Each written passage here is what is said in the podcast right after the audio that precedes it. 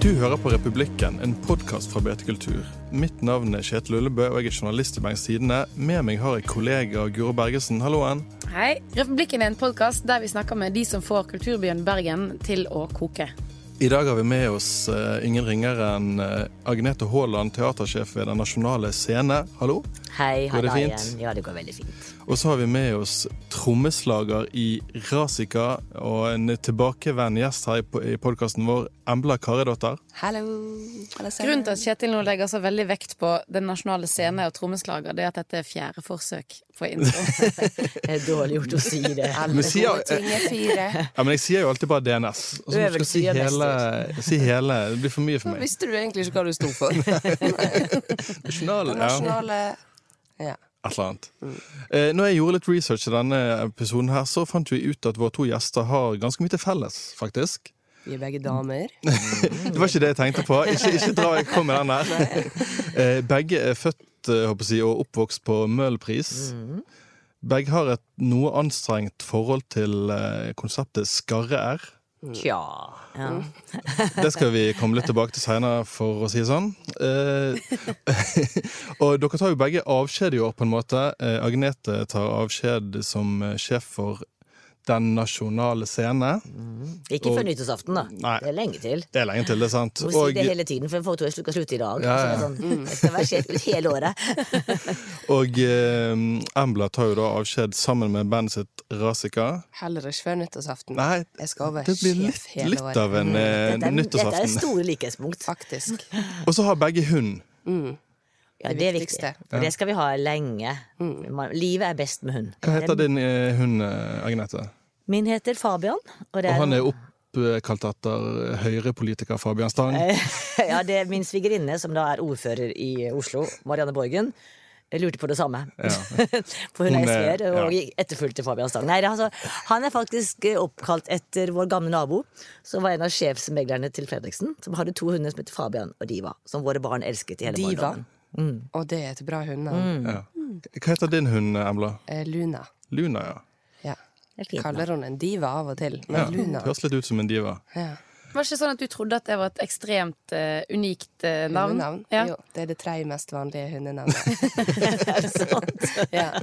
Jeg trodde det var veldig uvanlig, faktisk. Jeg Du, var sånn kommer det sånn årlig SSB kommer jo med sånn de mest vanlige navnene for gutter og jenter. Kommer det årlige mest det de vanlige hundenavn?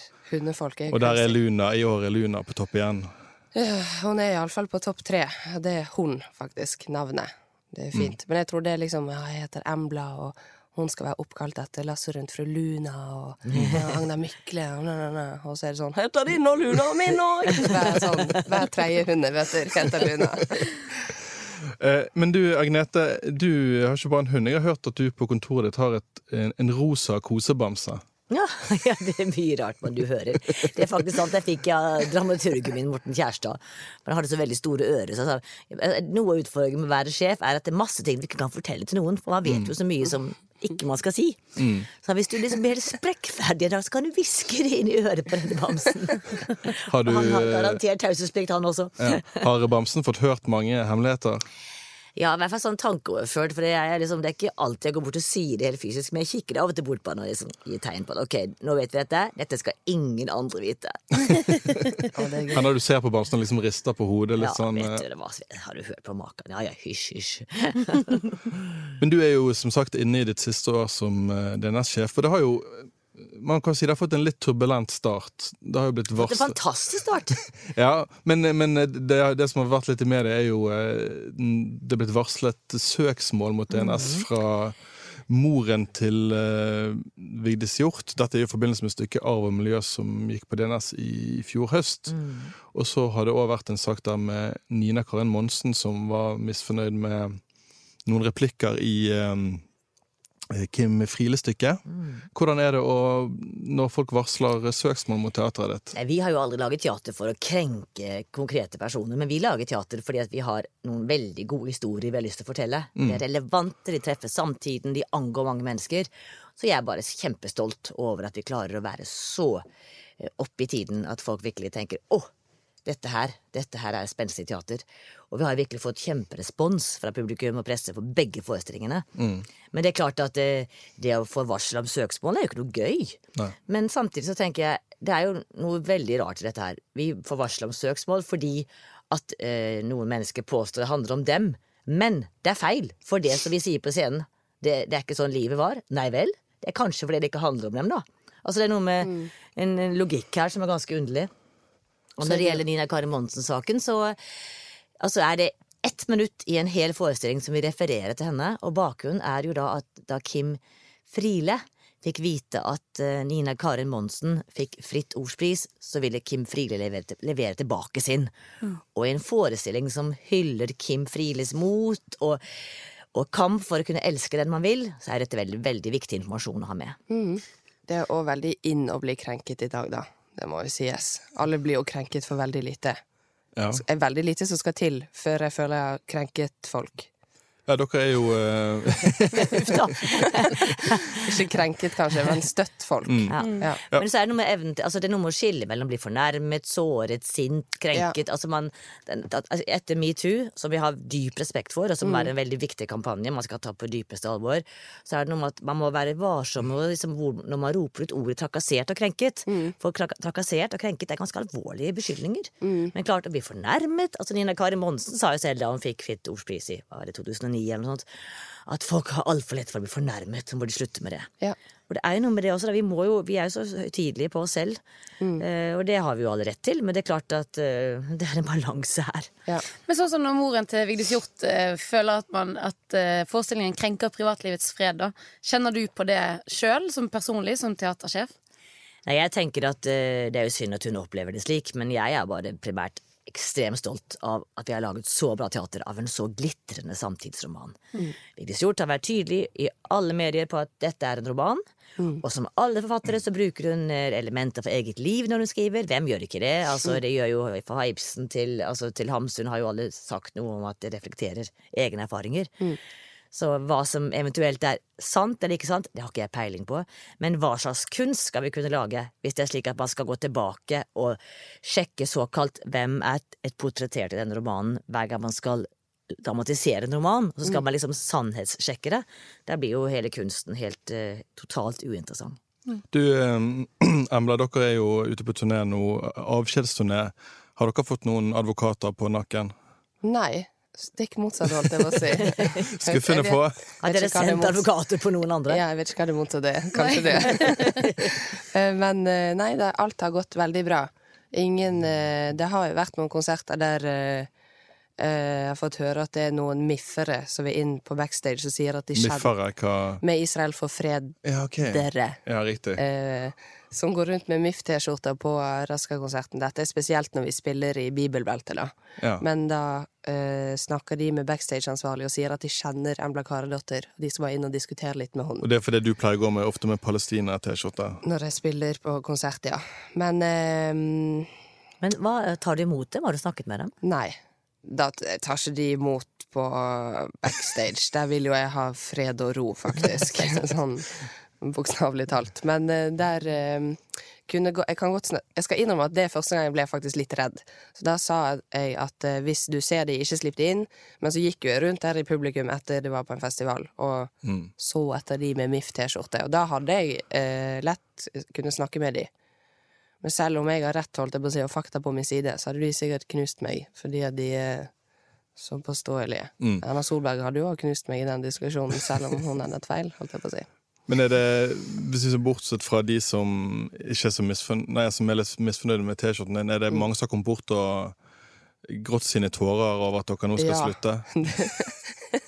ja, det er det. Det er ikke morsomt, men jo, det er ganske morsomt. Fordi at vi står der, og så plutselig er det for første gang i vår historie sånn eh, veldig lang kø for å kjøpe merch. Ja. Det har vært litt kø før, men nå er det sånn veldig lang, sånn at vi står der i en og en halv time. Og så kommer Samleobjekt dette her, vet du, om ti ja, år. eh, ja, sier jeg. Klenodium allerede. Eh, og så kommer folk eh, bort og begynner å gråte. Og det har en sånn eh, dominoeffekt på Marie Amdam, for da begynner hun å gråte. Hun begynner å gråte av at noen gråter. Og så begynner de å gråte av at noen gråter. Og så står de bare og gråter uten at noen har sagt noe.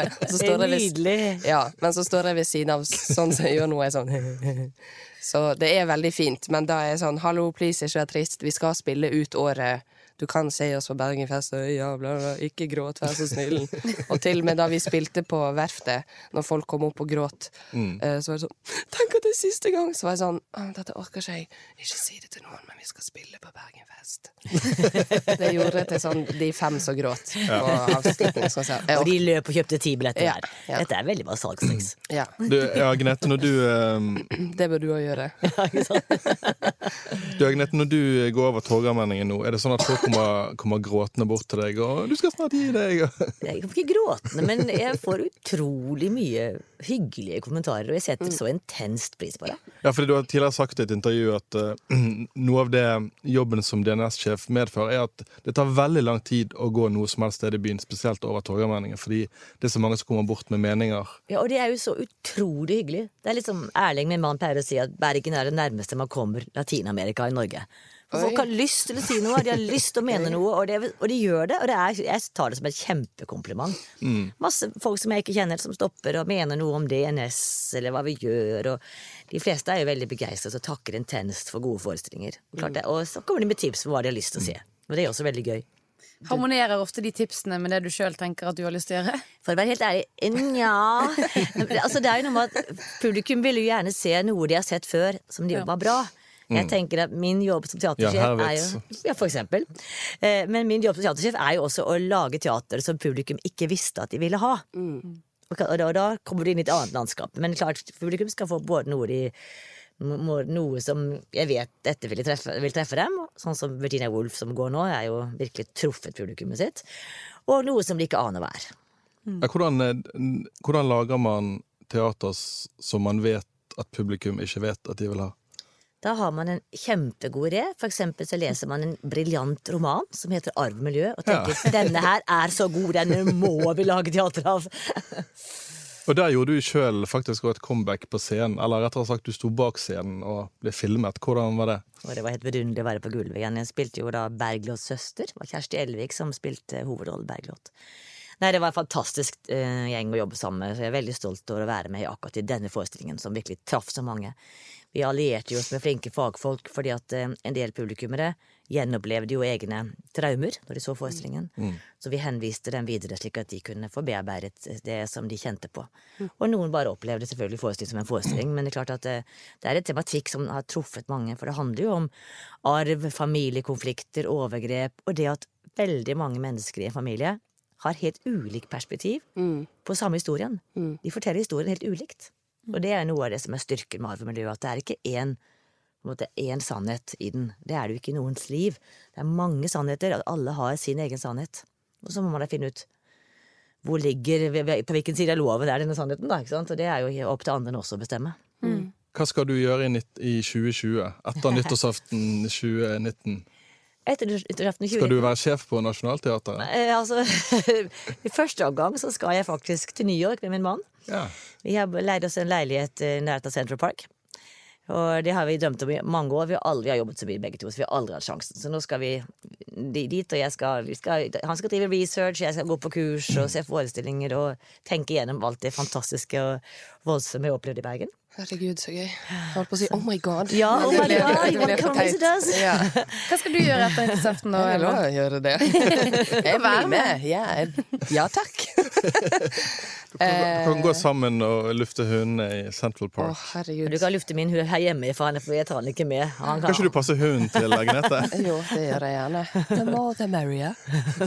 Eh, vet ikke hva jeg skal gjøre etter nyttårsaften. Nei. Så det er jo gøy. Kjempegøy. Ja. For det Kjetil uh, hintet til, det er jo at du har søkt på eh, jobb som sjef for Nationaltheatret i Oslo. Spennende. Veldig mange gode søkere. Og hvis jeg får den, så er det den som får den, skal ikke begynne før i 2021. Nei. Sånn formelt sett, da. Det er, vi har jo lang overlappingstid som sjef, fordi at Kan være i New York et helt år nå. Ja, eh, hvis jeg får jobben, så må jeg jo planlegge 2021, da, men eh, jeg skal ikke være der, liksom, hele tiden. Kan du sette opp Sex and the City når Ikke du sant? kommer hjem igjen? Kjempegøy. Inspirert. Very inspired from Central Park. Da er det, det, norske, det norske kulturfolket blitt veldig fornøyd hvis det første du gjorde, var å sette opp Sex and the City. Ja, men det verste er at det hadde vært en knallgøy idé, så kan man henge ut hele generasjonen. Har du en plan B, da? Altså hvis eh, det ikke går veien på Nationaltheatret? Nei, vet du, Plan B min har alltid vært at jeg gjør det som er gøy. Og det som gir meg mye i mitt liv. Livet er så kort. Vi må, vi må jo være kjempeglade for at vi har lyst til å stå opp om morgenen og lyst til å holde på med noe og har noe å holde på med. Så det kommer jeg garantert alltid til å ha. Du skal være glad vi er her i dag, du, Guro. Ja, det er jeg. Svært takknemlig. Det er akkurat det jeg tenkte når jeg sto opp i dag tidlig. Og jenter fra Bergen er noe for se. De sitter på fergen og blinker til deg. Blinker Eh, Etter den første podkasten så var det noen som sa til meg at um, Hva det går i med at Marie Amdam og Embla snakker helt make? Har de sånn Det gjør vi ikke. Dette var jeg bare- jeg bare gjenforteller. At, har de en egen dialekt i bandet? Syns du jeg ble offensiv? Nei, da, det, Eh, vi har ikke en egen dialekt. Den eneste som snakker kav bergensk, er Maria, for hun har én forelder eh, fra Bergen. Og det er jo selveste bergenseren, holdt jeg på å si, Bamse. ja. Eh, holdt på å si Ding. Bjørn Willeberg Ja, takk. Andersen, Noen din ganger så glemmer jeg at han har et ekte navn, og at det er faktisk litt rart at jeg går rundt og sier Bamse. Men eh, ja. Eh, hun er den eneste som snakker bergensk. Alle vi andre har jo eh, foreldre Ingen av våre andre foreldre er fra Bergen. Så min mor er fra Sogn og Fjordane, derfor har jeg rulle-r. Men jeg snakker egentlig bergensk, men med rulle-r. Mm. Selv om jeg sier eh, sykler. Men pene folk i Bergen, holdt jeg på å si, pene bergensere, sier jo 'jeg sykler'.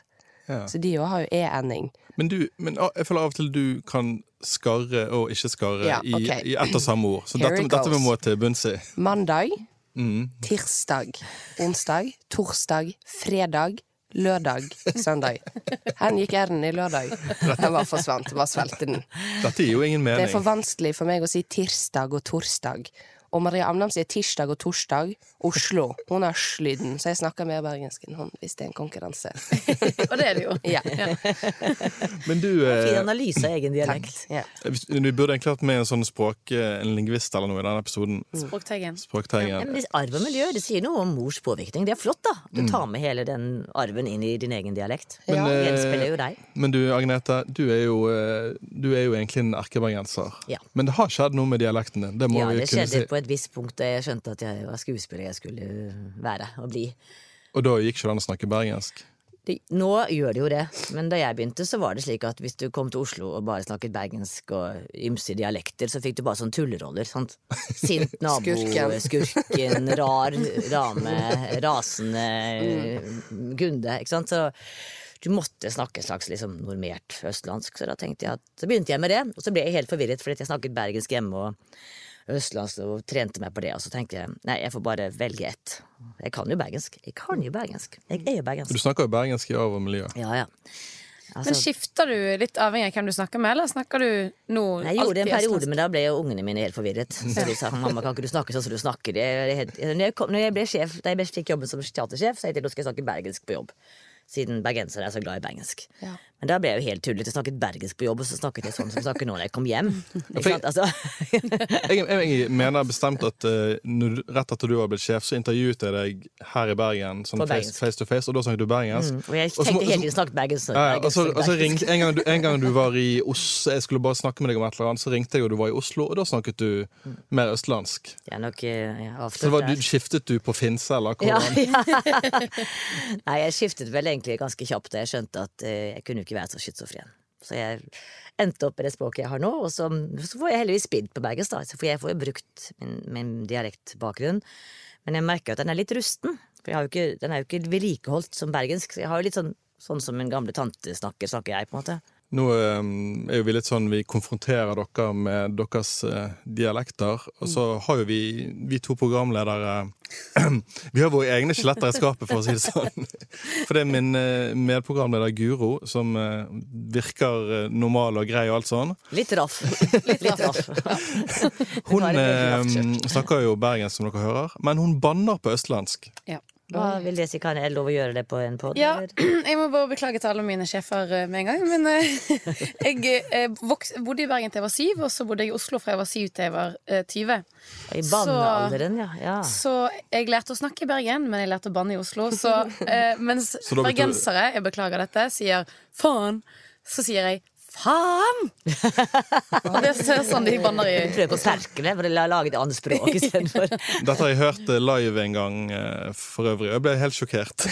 Ja, det er veldig rart. Og spesielt når du sånn slår lilletåen i en liste, eller noe sånt, så Ja. kommer det masse fraser på østlandsk. Da. Oi, så Folk gøy. blir litt satt ut. Jeg på å si, Nå fikk jeg lyst til å slå deg. Vent med dette etter sending, er det Jeg kan gripe det litt under bordet.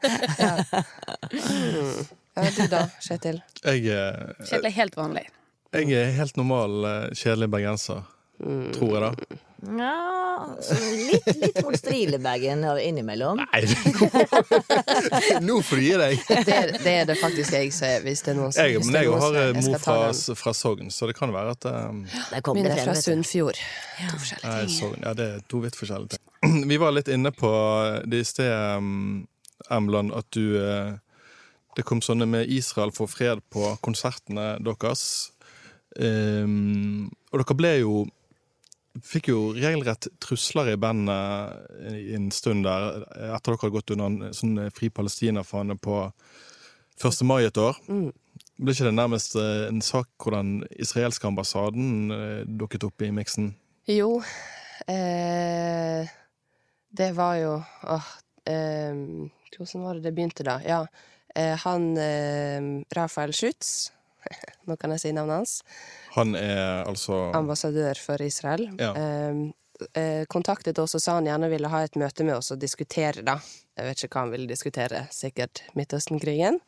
Eh, og så eh, takket vi, eller lurte på hvorfor han ville det. og Nei, han mente at vi hadde misforstått alt, da. Og så ville ikke vi møte han egentlig. Lang historie kort. Eh, og så til slutt sa han ja, men da kommer jeg til Bergen, og så kan vi møtes der. Siden dere ikke vil bli flydd inn til Oslo.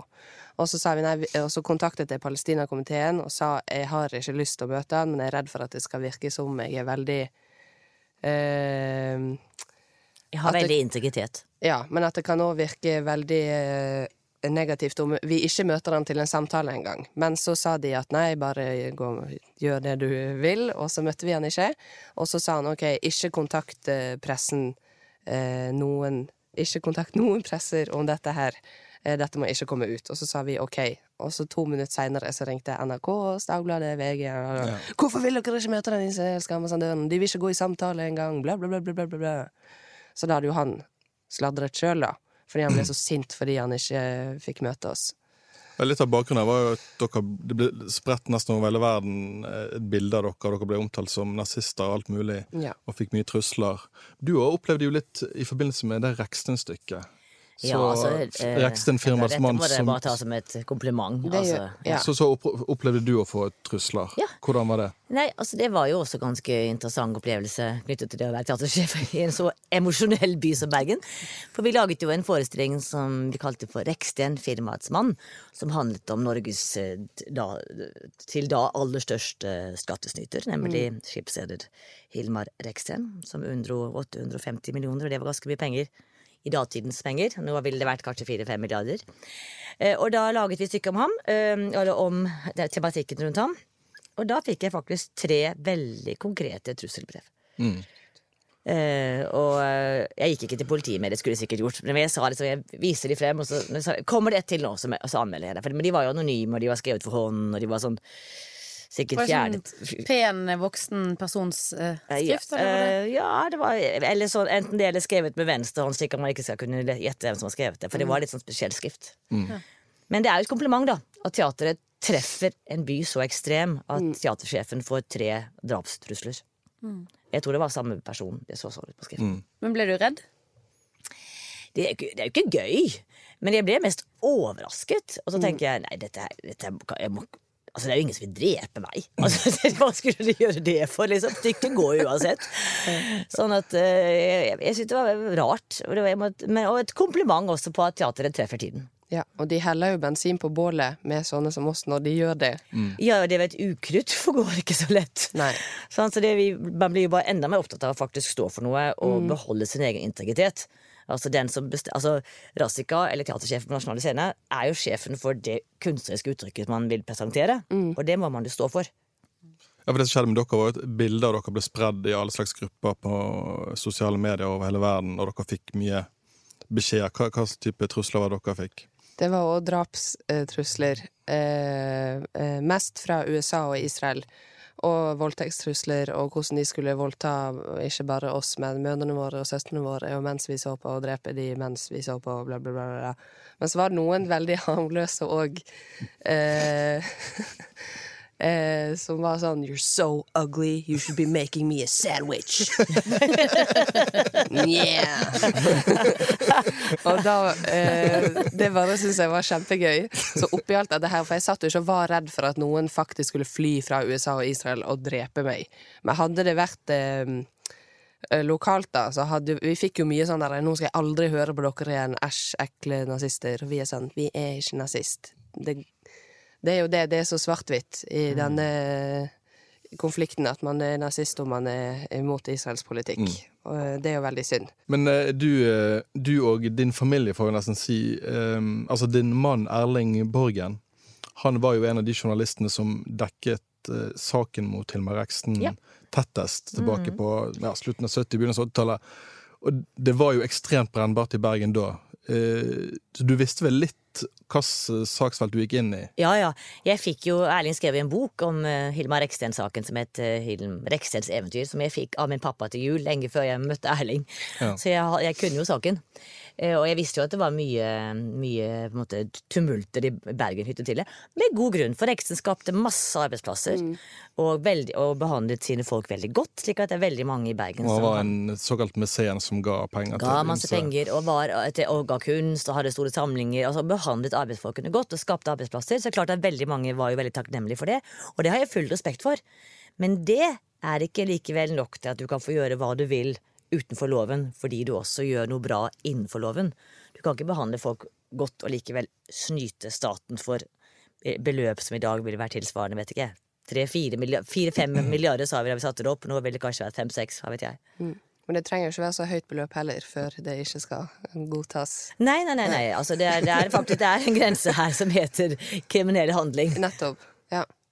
Men er du fra Bergen, så er det liksom Bergensere blir så patriotiske, og så er det sånn Ja, men han gjorde masse godt da, da. Ja, han gjorde jo det. det. Sånn, ja, men han gjorde mer vondt. Hvis, igjen, hvis det er en konkurranse, så taper han den mot seg sjøl, liksom. Men eh, bergensere, ja. Jeg likte veldig godt det han sa om at dette er det nærmeste vi kommer Latin-Amerika. Mm. Det er faktisk sant. Uh, hilsen en som har vært der én gang. Men uh, Erling har bodd der i fire år, så han kan jo det kontinentet. Ja, det er sikkert tydeligvis bedre enn meg. Men uh, det er faktisk veldig sånn Du kan rope til en på gaten sånn hva du syns om dem, selv om de ikke kjenner deg. Eller bergensere føler at de bare har rett til det. Det er egentlig veldig sjarmerende og stygt på samme tid. Ja, men du setter deg på en buss, og begynner sidemannen å snakke. Ja. Litt mindre nå, for nå sitter jo alle med mobilene sine. Men fremdeles så er det slik at du kan få en hyggelig samtale med en du ikke kjenner, Ja. fordi de er på en buss. Ja. Nå som vi har to uh, kulturmennesker her, vi må kanskje få noen tips fra dem. Skal ikke du kalle de kulturbautaer? Sånn som du Jo, jeg, jeg, har- jeg har brukt ordet bauta før, så jeg får nesten bruke det. Oh, vi vil gjerne være en bauta, hvis den blir stående lenge. To eh, kulturelle bautaer. Um, Agnete, Ja. har du eh, noe som du syns våre lyttere bør få med seg? Altså, jeg sier gå på Kode. Det er så mange spennende utstillinger på Kode. Og jeg tror, så vidt jeg husker det, dette burde jeg sjekket før jeg kom hit, men jeg tror det er det onsdager som er, som er gratis for studentene. Altså, de har også noen dager hvor det er gratis for studentene å komme dit. Gå der, opplev det, ta det til dere. Det er ikke alt dere forstår, men det er en opplevelse å bare se det. De har masse fine utstillinger. Du slår et slag for en av de andre store institusjonene. Ja, eller gå på Carte Blanche, som også har tatt en kjempespenstig premiere. Altså, jeg er jo opptatt av å løfte frem selvfølgelig også det frie feltet i Bergen, men de store, tunge institusjonene er jo ganske unike i Bergen. At vi har Kode, at vi har Harmonien, at vi har DNS, at vi har Norges eneste eh, dans- samtidsdansensemble, altså Cap Blanche.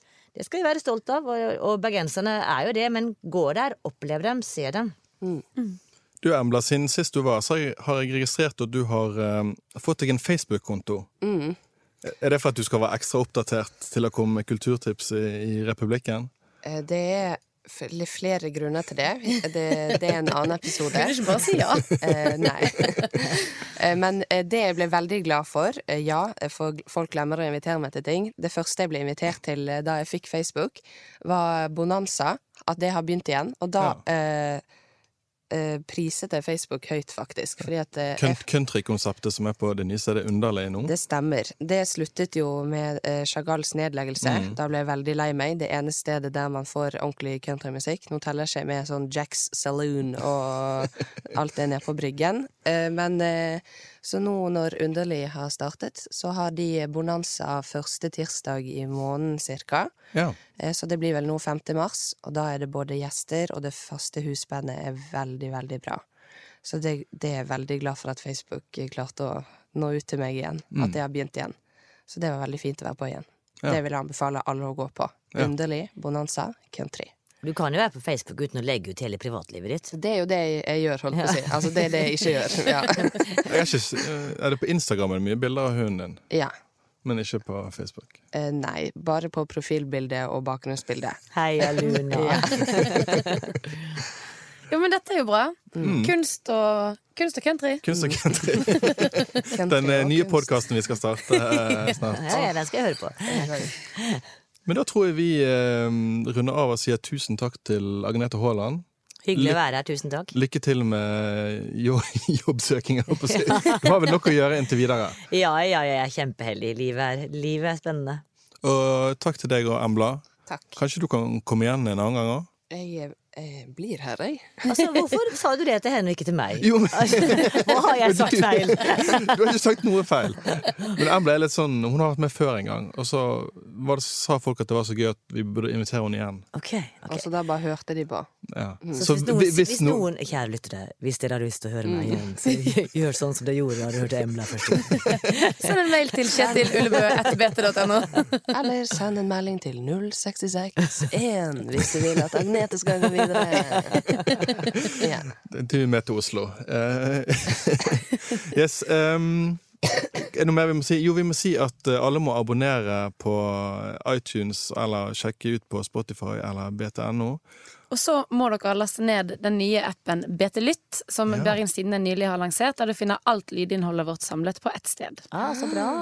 Og der eh, kan man høre mange podkaster som alle er produsert av Henrik Svanevik. Yes, Som også har produsert denne. Eh, Som vanlig helt til slutt i Republikken skal vi høre noe helt fersk eh, bergensmusikk. Eh, Bandet Shane Wallet høres riktignok ut som om de holdt på på 80-tallet og kom fra en liten by et eller annet sted i Nord-England. Og det er jo noen av oss som mener at egentlig all musikk burde høres ut på den måten. Men Shane Wallet er altså Bergen 2019. De kom akkurat med platen No Ritual, og her er tittellåten. Takk for oss. Takk for oss. Takk for oss. Ha det.